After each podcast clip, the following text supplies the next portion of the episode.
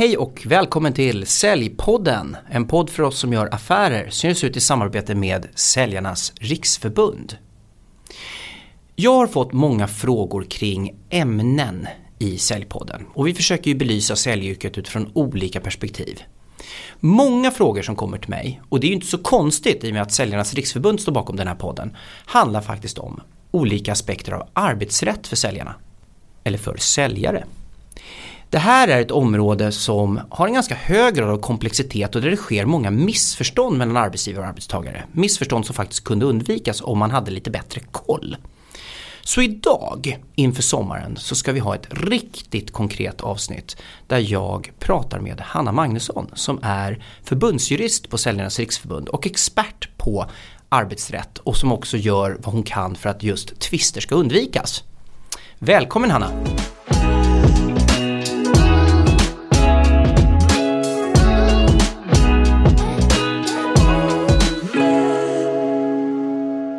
Tack så mycket. Hur är läget idag? Jo men det är jättebra. Sommaren är, är på gång och allt känns bra. Mm. Eh, jag sa ju det i inledningen att en stor del av ditt jobb det är att hjälpa eh, dina medlemmar i stor utsträckning att faktiskt undvika att hamna i tvister av olika slag. Stämmer det? Det stämmer. Vi jobbar hela tiden efter att försöka föra en dialog med arbetsgivaren och egentligen i första hand rådge den anställde att själv faktiskt ta upp en dialog med arbetsgivaren. Och i en önskevärld, där har ju den anställde så bra koll och kan jobba så proaktivt att man faktiskt redan när man skriver anställningsavtal vet vad man har rätt till gällande ja, diverse olika arbetsrättsliga frågor men också särskilt semesterlön. För då är det så mycket enklare att, att lösa frågan. Mm. Jag har ju gått eh, en mängd arbetsrättskurser och det är ganska komplext. Och ett vanligt svar jag får det är hur gör man här? Och då kommer svaret från en jurist, det beror på. Eh, vi försöker undvika det idag eller, eller ska vi, kommer vi kunna prata, svara tydligt på frågorna eller hur kommer det funka idag? Prata för dig själv. Jag kan inte lova någonting så att eh, jag är jurist. Eh, vi gör vårt bästa för att vara tydliga ändå. Jättebra. Ja.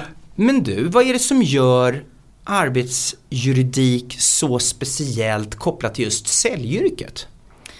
Ja men det har många speciella eller delar kan man säga. Eh, och det handlar mycket om den här rörliga lönen. Och när vi pratar om rörlig lön, då kan vi ju prata om, alltså det, det kan heta provision, bonus. Vi kan prata om direktprovision, förmedlingsprovision. Det finns väldigt många olika typer av rörlig lön. Och det, det vi upplever just med säljyrket det är att det är ofta en stor frihet. Du har verkligen möjlighet att tjäna bra med pengar. Men det är också så att du måste betala ett pris i vissa fall för en viss typ av, liksom det blir också en otrygghet, ursäkta, i, i anställningen och för att du inte ska liksom eh, hamna i en dålig position där så behöver du veta, skulle jag säga, mer än vad en anställd med fast lön behöver. Och det, det här blev extra tydligt till exempel under Corona skulle jag säga. Ehm, Vi har väldigt många medlemmar som har en bra lön och man kanske nästan bara har rörlig lön. Sen när jättemånga branscher bara vändes liksom helt omkull. Alltså turistbranschen till exempel, allt bara dog. Då hade vi ju medlemmar som ringde in och sa, "Ja, men jag kanske har tjänat eh, tjänar jättebra lön. Helt plötsligt så får jag inte ens upp 8000 kronor i månaden. Oj. Och, och, och det, där blev det så himla tydligt just det här att det kan gå bra, men vad gör du och hur tänker du kring om förutsättningarna förändras? Har, har jag tänkt till kring det? Ehm, och just idag ska vi prata lite mer precis om semester. Men att just ha det där i åtanke att det finns många fördelar och så, men du måste också kunna laga efter läge och vara beredd på, på det värsta. Även om det kanske inte kommer ske. Men det är ju det är så mycket kring Corona och de snabba förändringar som skedde där vi väldigt lätt kunde se att vissa branscher drabbades hårt men Sen var det ju så att vissa personer har kvar sina jobb men drabbas jättehårt ändå som du säger just för att provisionsdelen helt och hållet försvann. De kanske inte blev permitterade för att det fanns ändå ingen lön att spara där höll jag på att säga. Precis, och ur ett arbetsgivarperspektiv var ju det kanske inte så dåligt. Men eh, arbetstagarna hade det ju jättetufft i dem eh, och i viss mån har jättetufft. Så att det är väldigt olika. Vi ska ju prata en hel del om semester idag och eh, olika frågor som har kommit in till oss kopplat till semester. Och ytterligare några frågor som jag har fått in som eh, lyssnarna vill att jag ställer till dig. Men du är ändå inne och pratar nu om provision och bonus och direktprovision och förmedlingsprovision. Skulle du kunna reda ut begreppen väldigt, väldigt kortfattat och kanske vara så begåvad så att du också kopplar det till semester och utmaningar. Ska vi börja med provision vad är det? Är det semesterlönegrundande? Provision är semesterlönegrundande. Provision, det är när du får en viss ersättning baserat på din personliga försäljningsinsats. Mm. Och där kan man skilja mellan bonus. Bonus, det är snarare baserat på hur går bolaget på ett generellt plan. Det är arbetsgivaren ensidigt som kan bestämma om man vill liksom dela ut bonus och vanligen kan det här delas ut som en kanske en julbonus eller liksom en mer gåva som bestäms av arbetsgivaren för nu har det gått extra bra i år. Mm. Så att det är så här vi definierar skillnaderna. Mm. Och vad är skillnad på direktprovision och förmedlingsprovision? Ja, ehm, för ska man vara noga så är det så att Förmedlingsprovision, det är när du förmedlar en order, du tar in en order. Medan mm. direktprovision, det skulle man egentligen kunna säga är när en order kommer in direkt utan egentligen, du kanske har provision på ett visst distrikt och sen kanske kunder ringer in och bara lägger ordrar. Mm. Och det, det man kan fokusera på som skillnaden det är att det krävs kanske inte en direkt eh, kopplad insats hos dig för att det ska generera en order utan du har kanske provision på ett distrikt och sen kommer in ordrar. Mm. Och skillnaden där är att när det handlar om direktprovision då, då kan ju de ordrarna kan ju du få även under sommaren för du kan vara ledig och sen ändå ringer kanske en kund in och lägger en order. Mm. Och då är det inte då ska du egentligen inte ha semesterlön på de här liksom direkt provisionen du får utan på förmedlingsprovision. Mm. Och ofta så är det ju så att man faktiskt har förmedlingsprovision också så att det blir en icke-fråga. Men kan ändå vara bra att hålla lite koll på dem. Måste det vara stipulerat i avtalet om det är direktprovision eller förmedlingsprovision eller är det underförstått?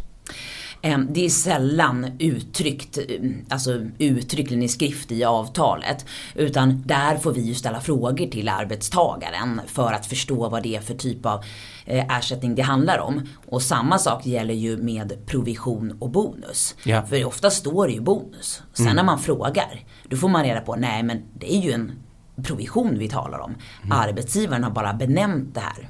Mm. Någonting annat. Men om det är benämnt på ett annat sätt Eh, och sen uppstår en twist. Vad är det som gäller? Är det hur själva arbetet har utförts då som, som vinner eller vad som står i avtalet? Helt rätt, det är alltså hur själva arbetet har utförts. Och mm.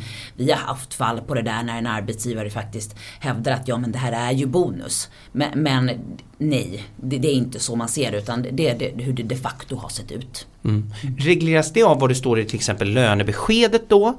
Eh, när du då eh, får din lön eller din provisionsdel att, att det framgår då att det här är provision? Eller hur, hur bevisar man att det är provision och inte bonus?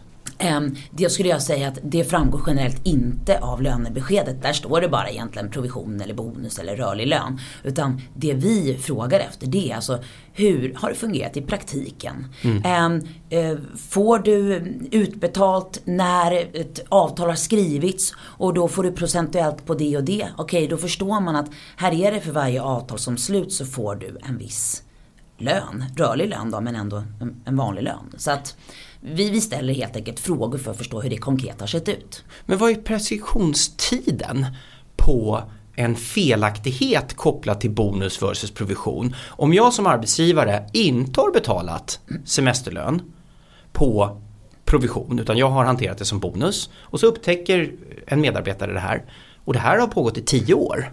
Mm. Vad händer då? Det som händer är att det, det, så här, det finns en preskriptionstid och preskriptionstiden om man vill tvista och väcka talan i domstol, den ligger på två år. Två år. Mm. Men det här är ju kanske ingenting som när vi går in och rådger en medlem eller tar en förhandling med arbetsgivaren. Så det är inte så att vi kanske är de som informerar arbetsgivaren om eventuella preskriptionsfrister. Nej. Utan vi försöker ju få till en så bra förlikningslösning som möjligt. Mm. Men det här skulle jag säga är något som kan sätta käppar i hjulet om det är så att varken arbetstagaren eller arbetsgivaren har vetat vad som gäller. Och sen är det fel under en lång tid. Då kan det ofta vara väldigt mycket svårare för oss att träffa en förlikningslösning. För det, alltså rent konkret blir det så här att om du har fordringar eh, som är, ligger tio år tillbaka i tiden på semesterlön. Det blir väldigt mycket pengar för arbetsgivaren. Och att förlikas på det, så risken är ju att arbetsgivaren norpar pengar någon annanstans och säger att vi kanske behöver sänka er anställdas lön, vi kanske behöver skruva på det och det. Så här gäller det liksom att man får inte heller vara dumsnål i de situationerna utan man måste försöka träffa en så bra förlikning som möjligt men också förstå att det här kan drabba arbetsgivaren. För det handlar om mycket pengar. Men det är två år så jag kan inte ha avslutat en anställning för fem år sedan på ett bolag och komma, och komma tillbaks och hävda min rätt mot en tidigare arbetsgivare. Nej, det stämmer. Sen är det så att eh, det är ju lättare, alltså är du fortfarande anställd och även om det har gått två år då är det ju som sagt att vi kan ju ändå försöka förhandla fram en bättre lösning än vad två års preskriptionstiden säger. Men kan vi inte lösa det, det är doms, man måste gå till domstol. Ja, då gäller ju det. Ni hjälper era medlemmar men ni öppnar inte upp för att alla Sveriges säljare nu ska ringa in och kräva ut semesterlöner på, från arbetsgivare som de jobbade för för tio år sedan. Nej, då tycker vi kanske att det är bättre att fokusera på den nuvarande arbetsgivaren och, och vara lite proaktiv framåt. Ja. Även om vi i och för sig skulle bli glada om det var många som ringde in till oss om semesterlön. Så att, mm. Härligt. Du, har arbetsgivaren rätt att baka in semesterlönen i provisionen eller måste den ligga så att säga tydligt utanför eller hur fungerar det där avtalsmässigt? Em, ganska många avtal som vi läser, där står det faktiskt att i provisionen ingår semesterlön. Och jag tror att många anställda tror att det där är en helt okej skrivelse. Och sen så, så kan det stå på mm, lönespecifikationen ibland bara liksom en, en provisionssats och sen em, det, det vi märker då är ju att om vi tar upp en dialog med arbetsgivaren om det här, för det, det har hänt i ganska många fall. em, då är arbetsgivarens tro att det är helt okej att göra på det här sättet. Men det är det oftast inte. Det är ett fall som det är, jag skulle säga att det, det är bara okej om arbetstagaren kan liksom räkna fram och kolla att semesterlönen stämmer.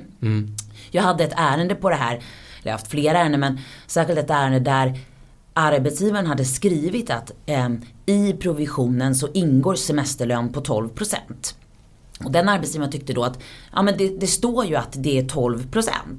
Då, då är det ju 12%. Men där fick ju vi för ett resonemang om att fast om arbetstagaren inte kan själv räkna ut det. Då vet man ju inte vad hänför sig till provision och vad hänför sig till semesterlön. Så att på lönespecen eller på annat dokument måste det tydligt framgå vad som är vad och att arbetsgivaren själv kan se att man faktiskt har fått ut rätt semesterlön. Mm. Men är inte det här, nu är jag lekman i det här, men är inte det här nästan ett större problem för arbetsgivaren att de har formulerat sig fel? För att om jag har räknat på att jag har råd att betala 20% och så har jag formulerat mig som att semesterlön ingår, då borde jag ha skrivit 18% plus semester. Precis, precis.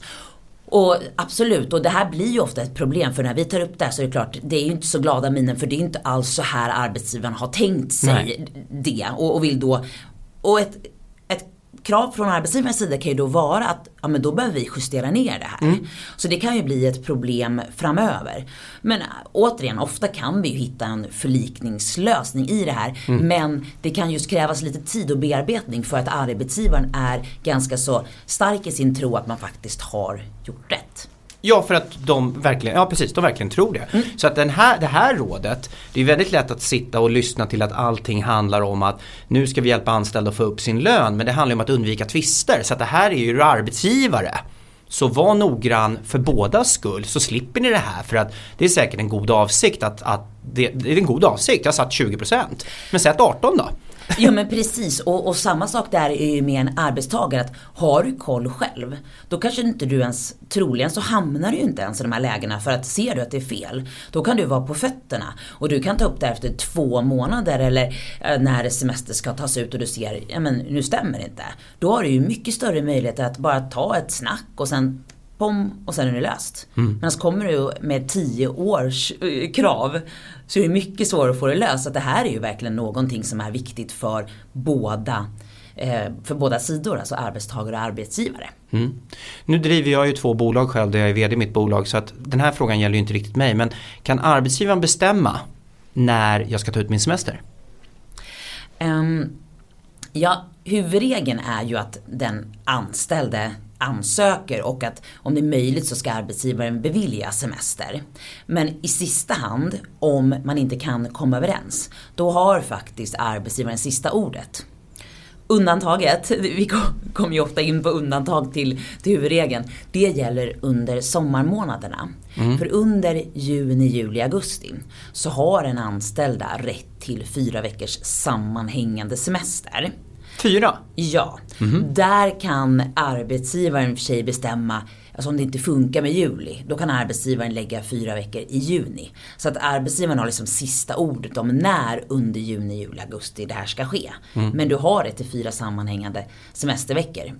Och det är kanske inte alla som har koll på det. Du lät också lite förvånad. Ja, jag, lät, jag trodde det var tre. Och dessutom, sommaren då definieras som juni, juli, augusti. Ja. Det betyder att en arbetsgivare skulle teoretiskt sett kunna bestämma att eh, du har semester 1 juni till 29 juni. Ja, precis. Ja. Kanske inte riktigt lika attraktivt men absolut. Ja. Det. Betyder det att eh, rätten till föräldraledighet är alltså starkare än rätten till semester? Ja men det är den ju. För där är det ju i princip så att där kan du ansöka två månader i förväg om föräldraledighet. Och dessutom är det så att det är väldigt svårt för arbetsgivaren att neka en anställd att ta ut föräldraledighet. Mm. Och många gör ju som så att man faktiskt också tar det till det kortet om man vill vara ledig för att man vet att man har, eh, arbetsgivaren har inte samma möjligheter. Nej. Och då använder man väl de här, eh, man kan ju använda de här gratisdagarna höll jag på att säga. Ja, just det, 90 kronorsdagarna. Ja, ja. ja, 180 eller vad det är. Ja, ja precis, precis, för att reglera det där lite Och det kan man ju göra. Kan man göra. Eh, sen återigen så är det ju så här att förhoppningsvis så arbetar man på ett företag som man trivs med där man inte vill hitta teknikaliteter utan att man kommer överens om semester och, och det är nog det vanliga. Och sen finns det situationer där det faktiskt är olämpligt, vilket alla på Karolinska kan inte gå på semester i juli. Nej och där är det också ofta kollektivavtal som reglerar det för att mm. där har vi hört många historier nu med Corona att det är svårt att få ut semester och så. Så att mm. där gör man ju ofta olika nödlösningar men inte lika vanligt är det inom säljbranschen. Nej. Men då har jag förstått det som att semesterlön på rörliga delar, absolut, så länge det är provision, men inte på samma sätt kring bonus. Mm. Ett ord tantiem. Mm. Var hör det hemma? Är det bonus eller är det provision och är det semesterlönegrundande? Um, ja, alltså tantiemlön, alltså det finns ju massa olika begrepp. Det är ju snarast att likna vid bonus skulle jag säga. Att det, mm. det är ofta någonting som eh, högre tjänstemän, VDR får ut som en enstaka summa. Så att det får vi nog. Men återigen så måste vi, varje gång vi får in ett ärende, fråga hur ser det ut i praktiken? Mm. Även om det heter någonting. En fråga som har kommit in handlar ju om kan arbetsgivaren tvinga mig att ta ut semester under uppsägningstiden? Ja. Mm. Och eh, här är det så att är du uppsagd på grund av arbetsbrist, det vill säga av skäl som liksom inte har att göra med dig personligen, då är du inte tvungen att ta ut semester.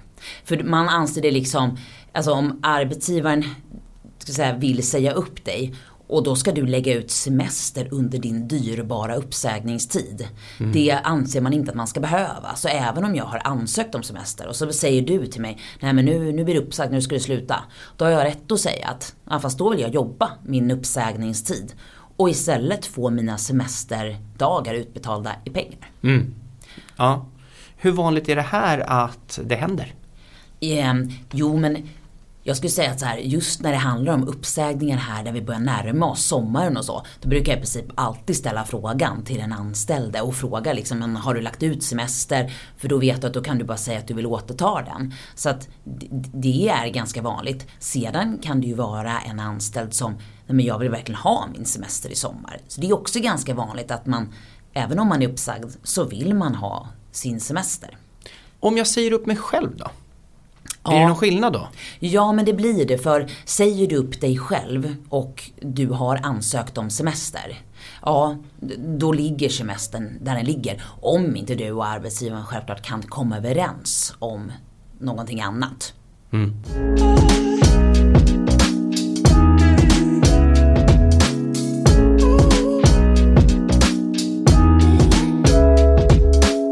Du, en fråga. Eh, som anställd, är jag, om jag har semester, har jag försäkringsskydd under semestern från min arbetsgivare? Kan ja. du sådana frågor? Ja, det har du. Ja. Det där är ju ingen skillnad utan det löper ju på. Du är anställd och du är täckt av försäkringar och då rullar det på. Absolut. Sen, sen är det ju så att alltså, nu är inte jag försäkringsexpert men menar, eh, en, en försäkring gäller ju skador i arbetet och det är klart att om jag eh, snubblar när jag, eller slår näsan när jag surfar liksom. Mm. Då, då får ju du ta det på din privata försäkring din privata såklart. Försäkring. Men, men det är inte så att de liksom bara, alltså, så att, de upphör ju inte under semestern utan är du inne och jobbar lite och så vidare så är det klart att försäkringen gäller. Anledningen till att jag frågar för att jag känner att jag spar eh, 3500 kronor nu eh, för den rådgivning jag skulle kunna fått av dig annars höll jag på att säga att nu är jag skojar bara, du tar inte så betalt på det sättet.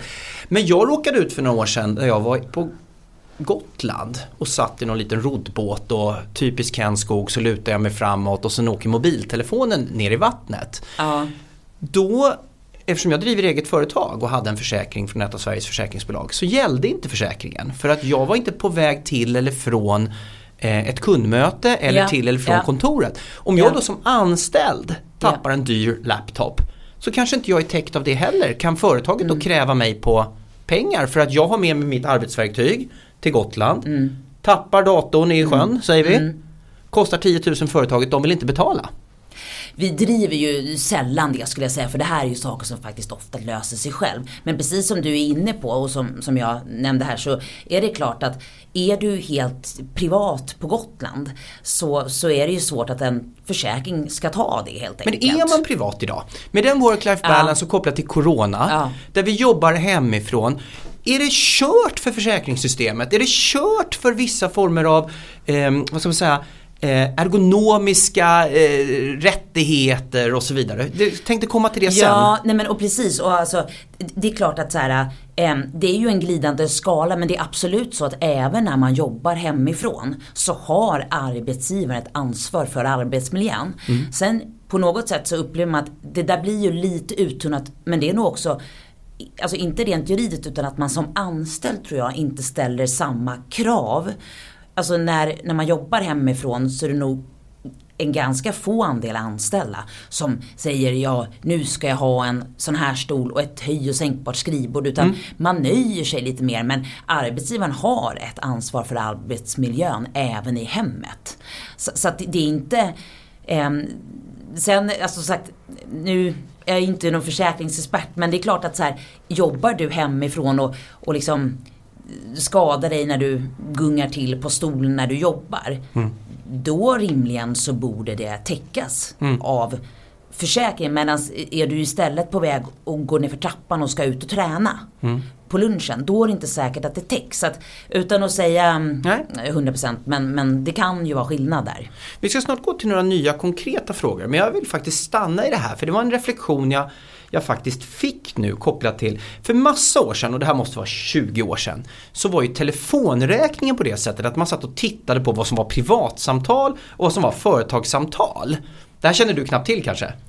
Ja men alltså, jag, nej, jo, men lite grann. Att det var ja. väl helt... Ja. Jobb, mm. Ringde du hemifrån mm. efter mm. en viss tid. Mm. Sen, sen kom de här fast prisabonnemangen där det nästan blev omöjligt för Skatteverket att vara inne och titta på de här delarna och, och liksom, det blev ett arbetsverktyg. Ja. Hur blir det med surf nu till exempel under coronatider? Har jag rätt att kräva arbetsgivaren på surf? Eller kan arbetsgivaren hävda att nej men surf är någonting du ändå har hemma?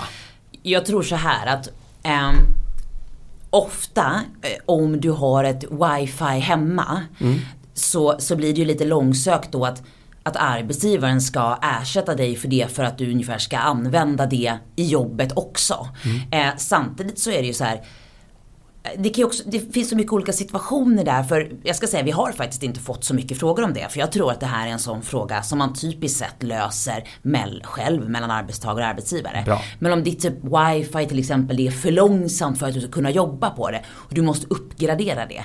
Då är det väl naturligt att arbetsgivaren betalar för det som man betalar annat som man behöver i jobbet. Mm. Det är väl det att, alltså den här jag kanske är lite skeptisk till den här liksom snålversionen om du ändå har någon hemma. Mm.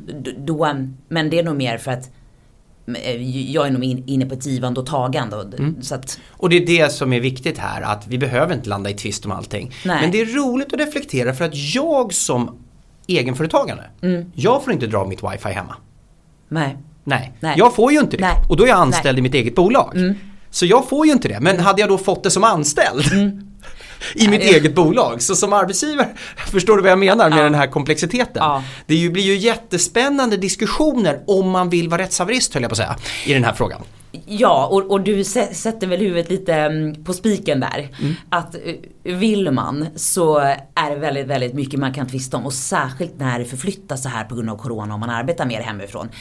Därför alltså, och där är ju vi rätt så här, ja men liksom ta, ta upp det som är stora frågor. Mm. Resten är liksom liksom låt det, låt det passera och fokusera på de stora och viktiga bitarna. Så skulle jag säga. Och det är ju temat för det här poddavsnittet, det är ju det att vi ska undvika tvister. Vi ska ju komma överens, vi ska inte jaga enkronor i, i eh, saker där vi vet att det är missförstånd eller liknande. Utan det, det är att reda ut begreppen så att det blir rätt från början. Ja, och att komma överens, det handlar heller inte om att man ska eh, lägga sig platt och tycka att man inte har rätt till någonting. Utan det gäller ju att fokusera på de stora bitarna. Och är det dessutom så att, jag menar, vi har ju haft fall där man väcker en fråga och vill förhandla med arbetsgivaren. Och sen kan det vara att en, en arbetsgivare men helt stoppar huvudet i sanden. Mm. Eh, då är det klart att vi inte släpper det.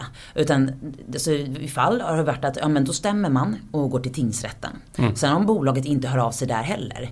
Så då kan tingsrätten meddela träskodom. Alltså det är alltså att man i part, liksom svarandens utevaro mm. meddelar domen då. Mm. Och på så vis så kan ju den anställde få semesterlön ändå även om arbetsgivaren inte är villig att förhandla. Mm. Men i de här fallen när man kan föra en dialog, ja då kan man ofta enas. Och då, ja, för att enas så kan det ju vara att man behöver gå ner lite grann. Men, men det är inte så heller att vi vill att liksom anställda bara ska tacka och bocka och inte ställa krav. Nej. Så här är det en balans hela tiden. Nej, nej men det är ju en medlemsorganisation också ja. så det, det är ju viktigt. Vilka frågor är de vanligaste? Alltså går det att säga det? Alltså den absolut vanligaste frågan kopplad till, till arbetsrätt för säljare? Eller ja, om du nämner två? Eh, Okej, okay, tänker du alltså inte kopplat till semester? Nej, utan... överhuvudtaget. Åh oh, gud vad svårt. Uh, Alltså, det är nog ändå, vi har ju väldigt mycket liksom uppsägningsförhandlingar. Um, så att ofta är det ju frågor kopplat till det. Alltså när har min arbetsgivare rätt att säga upp mig? Mm. Eh, och, och, att förstå vad liksom arbetsbrist betyder. Mm. Eh, alltså att arbetsbrist inte bara handlar om att det är brist på arbete. Mm. Utan att eh, det är egentligen en organisatorisk förändring. Sådana frågor är ju, är ju väldigt viktiga. Mm. Du ska få en eh, väldigt speciell fråga. Eh, se om du klarar av den, men det är jag övertygad om. I ungefär, jag tror det kan ha varit den 7 mars förra året så skulle vi släppa ett avsnitt eh, som handlade, där det ställdes ett par frågor. Kan man säga upp medarbetare för bad performance? Eh, helt enkelt. Vi valde att inte släppa det avsnittet för att en vecka tidigare så hade Corona kommit till oss. Och det kändes osmakligt helt enkelt att ta den frågan i det läget. Men jag vill höra, jag har alltid lärt mig att man inte kan säga upp någon på grund av dåligt utfört arbete som säljare. Dålig prestation helt enkelt. Stämmer det? Nej. Nej. Det sades då också. kan du utveckla? Vad, vad, är det för grunder om man skulle vilja sälja ut, säga upp någon på grund av bristande performance? Är det några exempel på där man kan göra det? Och hur gör man? Ja. Alltså, anledningen tror jag att du har det där svaret inom dig att nej det kan man inte. Det är nog för att det är svårt. Mm. Eh, det, det, är inte raka vägar in i mål och bara säga upp. Utan från arbetsgivarhåll så krävs det liksom ett, så här, långsiktigt arbete. Och eh, det viktigaste som, alltså om man som arbetsgivare ska kunna säga upp någon på grund av bristande prestation. Då krävs det att man dels gör en anställd uppmärksam på, okej okay, nu brister du här. Och erbjuder hjälp. Alltså hur kan vi konstruktivt hjälpa dig? Ska vi ha någon som är med dig när du säljer? Behöver du en coach? Ehm, behöver du utbildning? Man måste alltså komma med olika typer av åtgärdsplaner. åtgärdsplaner precis. Mm och mm. följa upp dem och sen ge den anställde rimlig tid att faktiskt kunna anpassa sig och ta till sig den här kunskapen. Men om jag inte dokumenterar i mitt CRM-system under tre månader trots utbildning, löpande påminnelser, avstämningar och inom citationstecken eller tydligt varningar. Mm. Är det grund för uppsägning? Eh, alltid svårt att bara uttala sig i enskilda fall sådär men eh, det, absolut skulle jag säga att det skulle nog kunna vara grund för uppsägning på grund av personliga skäl. För om arbetsgivaren vill att du redovisar på ett visst sätt och, och det är en ganska enkel sak att göra och du inte klarar av det. Mm. Eh, då skulle det ju kunna vara ett sådant allvarligt problem. Mm. Eh, och det som vi sitter med när det gäller det här med att man har bristfälliga bristfälligt utfört arbete. Det skulle jag säga ofta är svårare för det du talar om det är ju att man liksom en sån basic sak som att bara lägga in uppgifter i systemet. Mm. Det, med upprepade påminnelser och hjälp för det och utbildning, så bör du ju klara av det. Medan det vi sitter ofta med kan ju vara så här att en anställd försöker sälja men får det inte riktigt att lyfta. Och, man, och ligger man lite under andra anställda, ja då är det ganska svårt. Men ligger man betydligt under, då e-, efter det här liksom långsiktiga arbetet och åtgärdsplaner, då skulle det kunna gå så att arbetsgivaren faktiskt har saklig grund för att säga upp på grund av personliga skäl. Och det är ju ett svårare fall just när du som anställd, så man försöker, men man når inte riktigt ända fram. Mm. Jag är lite mjukhård här. Det är ju en sak att inte riktigt lyckas med sin försäljning för att man är påverkad av egen prestation, omvärlden, eh, närvärlden med kund och så vidare. Den blir ju komplex i sig. Men det finns ju områden där jag tycker att man som kanske medarbetare har väldigt stor påverkan på att faktiskt klara av det och det är exempelvis notera i CRM-systemet. Nu är inte jag perfekt på det men där någonstans så bör man nog vara lite vaksam som anställd på att inte bara vifta bort det här och säga att aj, aj, aj, aj, aj. Utan det är en ganska, du sa en ganska banal sak. Ja, det kan man ju faktiskt tycka i viss fall. Om arbetsgivaren säger dokumentera det här så borde man ju faktiskt göra det. För att det är arbetsgivaren som betalar lönen. Det är arbetsgivaren som betalar lönen. Det är arbetsgivaren som har arbetsledningsrätten och inom ramen för den kan bestämma vad du ska göra och inte. Mm. Och, och, lite grann kopplat till det vi pratade om förut. Eh, och du som anställd har en hel del rättigheter mm. genom de skyddslagar som finns. Men arbetsgivaren har ju rätt till en motprestation från dig och uppfyller mm. du inte den så är du, inte, du är inte totalt skyddad mot att sägas upp. Men praxis då igen, om vi går tillbaka till praxis. Jag får instruktioner om att jag ska fylla i ett CRM-system. Jag använder det som exempel. Det finns hundratals exempel. Men ingen på företaget gör det, inklusive min chef. Under hur lång tid som helst. Mm. Kan arbetsgivaren då komma och peka ut mig och säga du har inte dokumenterat trots påminnelser. Kan jag hävda då, ingen annan gör det, praxis är att ingen gör det? Mm. Eh, om praxis är att ingen gör det och arbetsgivaren liksom inte har påtalat att det här är något problem. Då, då blir det jättesvårt för arbetsgivaren att kunna se upp dig på grund av personliga skäl. Mm. Är det däremot så att man börjar markera, och man säger till alla anställda att Okej hörni, nu ser vi att ni har inte redovisat. Nu, är det, nu, är det var, nu skärper ni er och gör ni inte det då får ni varning. Ja då kommer man i ett annat läge. Men om arbetsgivaren inte påtalar, och då hur ska du veta att det är fel? Mm. Kommer arbetsgivare till er för att få hjälp med att eh, få ordning på avtal? Eh, nej det gör de ju inte och de ska ju egentligen inte heller gå till oss. För att problemet är att då kan vi sitta i en situation där en arbetsgivare har bett om rådgivning. Och sen ska samma anställd på det bolaget be om rådgivning också och då sitter vi ju i, i en mm. dålig position. Men de går till sin part så att precis, säga för att få precis, hjälp med det. Precis. Och medlemmen går till sin part som är säljarnas eller vad de nu andra heter där ute som inte är lika bra som säljarnas. Precis, ja. precis. Och det var ju, alltså det var inne på det här med preskriptionstid angående semester och att man inte kom, kan komma med de kraven allt för sent. Det är ju som en sån sak att det är ju inte att vi, vi har ju inte som uppdrag att förklara för arbetsgivaren en skrivelse, en paragraf som de kan vinna på. Mm. Det är inte vårt uppdrag, det är ju arbetsgivarens uppdrag att ta reda på det. När har du semester i sommar? Ja, det är om några veckor. Fyra veckor? ja. ja. Sammanhängande? Ja, Härligt. Korrekt. Ja. ja. Jag ser till att få mina rättigheter tillgodosedda. Ja. Nu är det ju så att man måste inte ha fyra veckor sammanhängande. Jag kommer ihåg när jag inte var så motiverad av jobbet en gång i tiden. Då tog jag två veckor, kom tillbaka och jobbade en vecka. Tog en vecka, kom tillbaka och jobbade en vecka och tog en vecka. Eh, det är ingenting jag faktiskt rekommenderar generellt. Det var, fick ingenting gjort under de 6-7 veckorna och kom tillbaks till en höst tom i tanken vad gäller försäljningspipe. Eh, men jag hade lyckats eh, maxa så att säga upplevelsen av ledighet.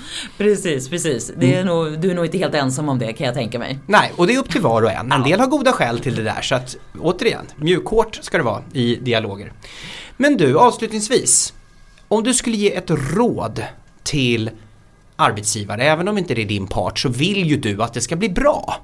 Vilket råd skulle du ge arbetsgivare kopplat till att nu är det dags att anställa en säljare. Vad är det viktigaste för mig att få ordning på?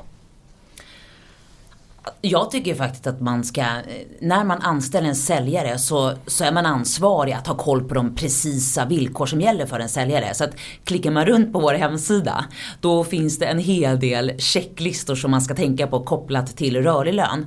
Och man måste som arbetsgivare vara medveten om att det är eh, ett stort ansvar som man har och det är den, man är den starkare parten och man har möjlighet att rådfråga och det finns arbetsgivarorganisationer och så vidare. Mm. Så att man kan inte, även om vi propagerar för att den anställda ska ha koll själv, mm. så är det klart att alltså, eh, egentligen är det ju ett ansvar som ligger på arbetsgivaren och man kan inte bara lägga bort det på den anställde. Nej. Så är det liksom i, inte, jag menar om vi tänker på tjänstemän med fast lön. Så behöver ju inte jag som anställd ha lika bra koll. Utan det, det är, ett, det är ett arbetsgivaransvar. Man, man måste utbilda sig lite på det när man faktiskt ska ha en säljare med rörlig lön och vad det innebär. Mm. Och det här är viktigt av två skäl. Dels för att det ska vara rätt och man ska undvika att hamna i tvister. Men Precis. också för att samarbetet ska fungera. För att missförstånd, det kan ju kosta ekonomiskt men det kan ju framförallt kosta i, i samarbetet. Vilket i förlängningen då blir en jättekostnad ekonomiskt. Precis. Om man, om man blir osams. Precis. Arbetstagare då, eh, medlemmar, eh, icke-medlemmar som kanske vill bli medlemmar. Vad ska man tänka på vid signering av ett anställningskontrakt? Och du kan både väva in då mm. semester eller allmänna frågor i det. Eh, och där är det, alltså återigen så skulle jag säga att fokus just ska vara på rörlig lön och förstå hur det eh, kan, vad det kan få för följdverkningar. Mm. Och i ett anställningsavtal, då handlar det mycket om hur är provisionsvillkoren skrivna? Mm. Och att ha koll på att arbetsgivaren Alltså tänka att mina prov, min rätt till provision, den är liksom lika stark som min rätt till fast lön. Och arbetsgivaren kan inte från en dag till en annan till exempel ändra ett provisionssystem. Mm. Um, så att det gäller att dels avtala om tydliga provisionsvillkor och att sen också veta sina rättigheter längre fram om det skulle uppstå problem. Så att provision, semesterlön, konkurrensklausuler, allt sånt där. Ja, ja. kan fortsätta. Eh, Konkurrensklausuler är spännande. Det får ja, du ta i ett eget ett klipp på LinkedIn. Ja. En sista fråga kopplat till det där som slog mig nu. Eh, garantilön. Ett, ett lite uppfinningsrikt ord. Eh, man har 40 000 i fast lön. Man har en mållön på 80 säger vi. Alltså 50-50 split. Eh, men du får under sex månader en garantilön på 60. Alltså en förhöjd grundlön. Är du med på vad jag menar? Ja. Är det vad är de, den här garantilönen? Är det betraktat jo, alltså, som en förhöjd grundlön det, eller som en del av en provisionsdel? Ja, alltså egentligen är ju en garantilön så att du blir säkrad den här lönen om du i och med din försäljning inte når upp till till, om man säger så, 60 000. Ja, mm. då får du ut 60 000. Mm. Um, så att man, det är ju det man liksom kallar en garantilön. Mm. Och, och, men når du över den, ja då får du ju bara din provisionslön. Ja. Inte plus den här 60 000. Nej, just, så att, det. just det. Och i och med att garantilönen är kopplad till provision mm. så är den semesterlönegrundande. Ja, den är, den är semesterlönegrundande. Ja, den blir ju det då. Och, ja, och det är ju eh, det är ett exempel på ett arrangemang som är väldigt bra att göra just för vi pratar om det här med liksom att säkerställa att man har en viss trygghet också. Mm. Och det där är ett jättebra exempel för när du går in ny i en position och du inte vet riktigt vad kommer min försäljning generera i form Mm. av provision och så vidare. Då har den där eh, garantilönen är ju jättebra initialt för att se var ligger jag. Och det är ju jätteviktigt kopplat till att vissa yrken när du ska ta en ny anställning, du ska sälja en ny teknisk produkt, den är helt ny på marknaden. Det finns inga exempel tidigare på att kanske ha sålt den här produkten i Sverige.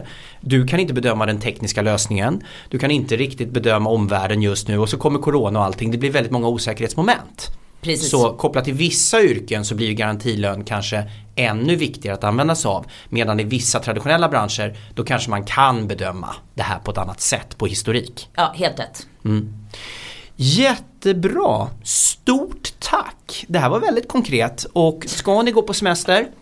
Eh, ja, det är dags nu då. Här, jag tror att eh, vi är i mitten av juni nu. Många har förhoppningsvis redan bestämt sin semester.